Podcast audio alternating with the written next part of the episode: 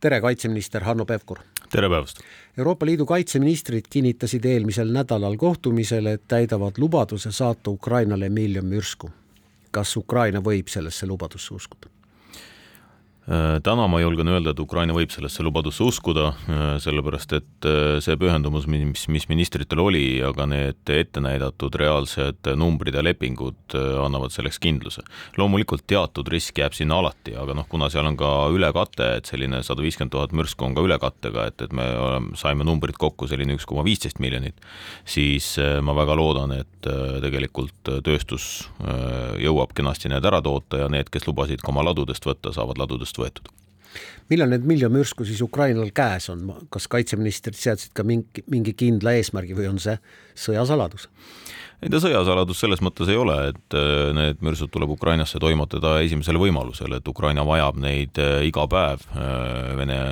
rünnakute tagasitõrjumiseks ja, ja noh, see mm, plaan, mille me kokku leppisime, on umbes selline, et üle viiesaja tuhande mürsu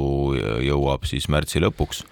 aga noh, see on siis selle arvestusega, et tegelikult praegu on ka üle kolmesaja tuhande jõudnud, et ütleme siis siin äh, veebruari-märtsi jooksul umbes kakssada tuhat äh, mürsku ja ja siis aasta lõpuks veel umbes kuussada tuhat mürsku natukene peale. nii et enam-vähem arvestusega selline sada tuhat mürsku kuus see tempo umbes läheb, aga, aga noh, kuidas täpselt, nagu ma ütlesin, sõltub väga palju sellest, kuidas riigid oma ladudest jõuavad need võtta ja kui kiiresti tööstus toodab, mis on annab kindlust äh, ja, ja nagu veendumust, on see, et äh, Euroopa kaitsetööstuse võimekus toota jõuab siin aasta lõpuks ka ühe koma nelja, ühe koma viie miljoni mürsuni, varasema võib-olla aasta tagasi olnud kuskil neljasaja äh, tuhande mürsu pealt. Ma saan aru, et Euroopa kaitsetööstus on unest ärganud ja jalad kõhu alt välja võtnud ja, ja suudab rohkem toota eks me, see oli ka meie ju eesmärk, et kui mm, peaminister ülemkogul selle mm, Eesti algatuse välja käis äh, ja, ja sealt edasi me seda tööd hakkasime tegema ja viie nädala pärast kaitseministritega selle kinnitasime mm, aasta tagasi, siis tegelikult meil oli ju algusest peale kolm eesmärki, et me saaksime Ukrainale võimalikult kiiresti need mürsud kohale toimetada,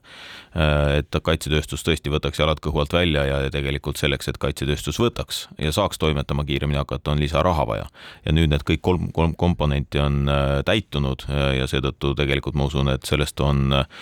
kogu Euroopa riigi kaitse äh, võitnud ja, ja saanud tugevamaks. No mõned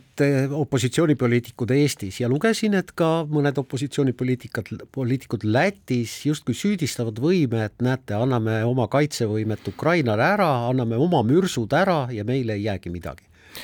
alati võib selliseid äh, lauseid pilduda, äh, aga reaalne sõda on hetkel Ukrainas ja reaalselt Ukraina kaitseb ka neid Euroopa väärtusi, mida meie siin kalliks ja armsaks peame. ja, ja seetõttu tegelikult noh, olgem ausad, korrutatud tõde, aga midagi ei ole teha, tuleb ikka jälle öelda, et ükskõik, kas see on meie mürsu või meie Javeliniga hävitatud Vene tank, on täpselt üks tank vähem meie piiride taga ja Venemaa ei, ei ohusta meid praegu sõjaliselt ja seetõttu tegelikult vaadates ka meie enda laskemoona juurdeostmisi, siis tegelikult meil on, meil ei ole seda riski, et me oleksime kuidagi rohkem ära andnud, kui me oleksime saanud, et me oleme praeguseks kindlasti rohkem saanud, kui me oleme Ukrainasse saatnud. Äh, ja kui vaadata seda aastat veel tervikuna ette, siis meie laod äh, täituvad kiiremini, kui me Ukrainasse midagi anname. mida Ukraina praegu rohkem vajab, relvi või raha? Äh, mõlemad, selles mõttes Ukraina seis on hästi lihtne ja loogiline, et on vaja nii relvi, laskemoona, kõikvõimalikku tehnikat, ega jätkuvalt on ju rindel külm, alates sokkidest lõpetades tõesti esmaabipakkidega ja, ja, ja toidupakkidega, soojenditega, telkidega, et kõike on vaja. Ja, ja noh, ütleme selleks, et Ukraina saaks ka ise soetada relvastust üle laia maailma, mitte ainult Euroopast, siis nad vajavad loomulikult ka raha, aga raha on vaja ka selleks, et riik igapäevaselt üleval seisaks, et suurusjärgus poolteist miljardit Euroopa Liit annab Ukrainale näiteks iga kuu abi natuke teisest ooperist ka. jaanuari keskel leppisite koos Läti ja Leedu kolleegiga kokku ühise Balti kaitsevööndi rajamises piirile Venemaaga ja Valgevenega. tegemist on siis nii-öelda Balti riike ühendava ühise kaitserajatisega, mis see siis on, elektrivooluga täidetud traataed, betoonhambad soomustehnika vastu, laskepesad? Äh, no kaks kolmest läks pihta, et, et äh, elektrilaenguid me traadi sisse ei traadi sisse ei, ei pane, et äh, aga, aga ta ongi kompleks, ta on selles mõttes täislahendus meie riigikaitsest tulenevatest vajadustest ja, ja sõltuvalt ka sellest, kuhu siis üks või teine ähm, element sellest kaitsevööndist paigutatakse, et erinevates riikides saavad nad olema erinevad, aga see tähendab neid maakeeli juba tuntuks saanud draakoni hambaid, mida inimesed võib-olla Narva sillal on näinud, see tähendab äh, teatud kohtadesse eelpaigutatud tõkestustraati, see tähendab laskepesasid, see tähendab või ütleme siis, et nii-öelda jao või pooljao suurusele üksusele mm, noh, kõnekeelus siis, kõnekeeles siis punkrid, aga, aga tähendab ka seda võimalust, et meil oleks võimalikult kiiresti vajadusel võimalik ka laskemoon eelpaigutatud kohtadesse viia, nii et need on tegevused, mida kolm Balti riiki, noh, ma olen ka kuulnud siin, et noh, et näed, et Eesti teeb, aga et noh, et Lätist tullakse ju ikka. ei, sellepärast me kolmekesi koos kokku leppisimegi, et see oleks Narva-Jõesuust kuni meie vaates siis alla Parmukülani välja ja sealt võtavad lätlased üle ja liiguvad siis kuni Leedu piirini ja Leedu edukad võtavad sealt üle, nii et selles mõttes, et äh, mõte on ikkagi selles, et me kõik äh, teeme neid tegevusi, mida saab teha rahuajal. Ja rahuajal äh, on võimalik praeguse nii-öelda regulatsiooniga ka normaalsetes tingimustes inimestega kokkuleppeid sõlmida, et, et kui on kriisiajad, et noh, siis tegelikult on hoopis teine olukord. See on siis selles mõttes universaalne tõke, et kui vastane üritab üle piiri saata noh, sadu migrante, siis see piir peab ja kui otsustab ise tulla, siis ka me saame vastu panna. Ei, seda, seda ei saa käsitleda kui migratsioonitõkkerelva, et äh, migratsiooniga ikkagi tegeleb otseselt Politsei- ja Piirivalveamet ja otseselt piirijoonel. Et äh, me teame, et Eesti riigipiiri praegu usinasti ehitatakse, see puudutab eelkõige siis sedasama aeda, mida inimesed on juba näinud, see puudutab sensoorikat, muud, seda võib-olla, mida inimesed väga palju ei näe, analüütikat, et see on see pool, mis on otseselt riigipiiril, need kaitsevööndi elemendid tulevad ikkagi sõltuvalt looduslikest asukohavalikutest ja sõltuvalt riigikaitselistest koha, asukohavalikutest, et need ei ole otseselt piiril. No seda ma tahtsingi küsida, Peipsile traataeda ei ehita ja laskepesaseid järve ei paiguta, kas see tähendab, et Remniku, Mustvee, Kallaste, Varnja joonele tuleb mingisugune kaitserajatiste vöönd?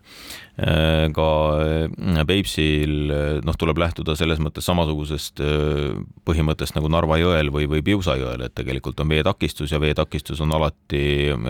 abiks Äh, aga see ei tähenda seda, et me Peipsi järve jätame kuidagi unarusse, et äh, Peipsil on valitud äh, välja samamoodi sellised strateegilised asukohad loomulikult maismaal, aga loomulikult noh, me kõik mõistame, et rasketehnikaga üle Peipsi on vähe keeruline tulla isegi talvel, et see, see lihtsalt ei ole võimalik.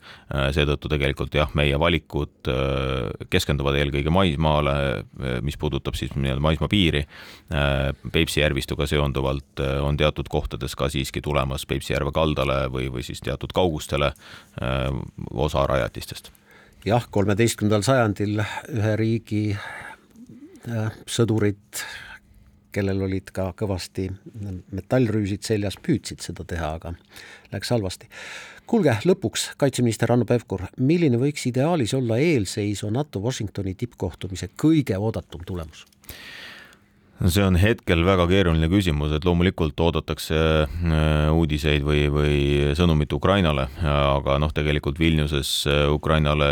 see sõnum mm, sai antud, mis puudutab liitumist, et see nii-öelda liitumisperspektiiv on Ukrainale antud.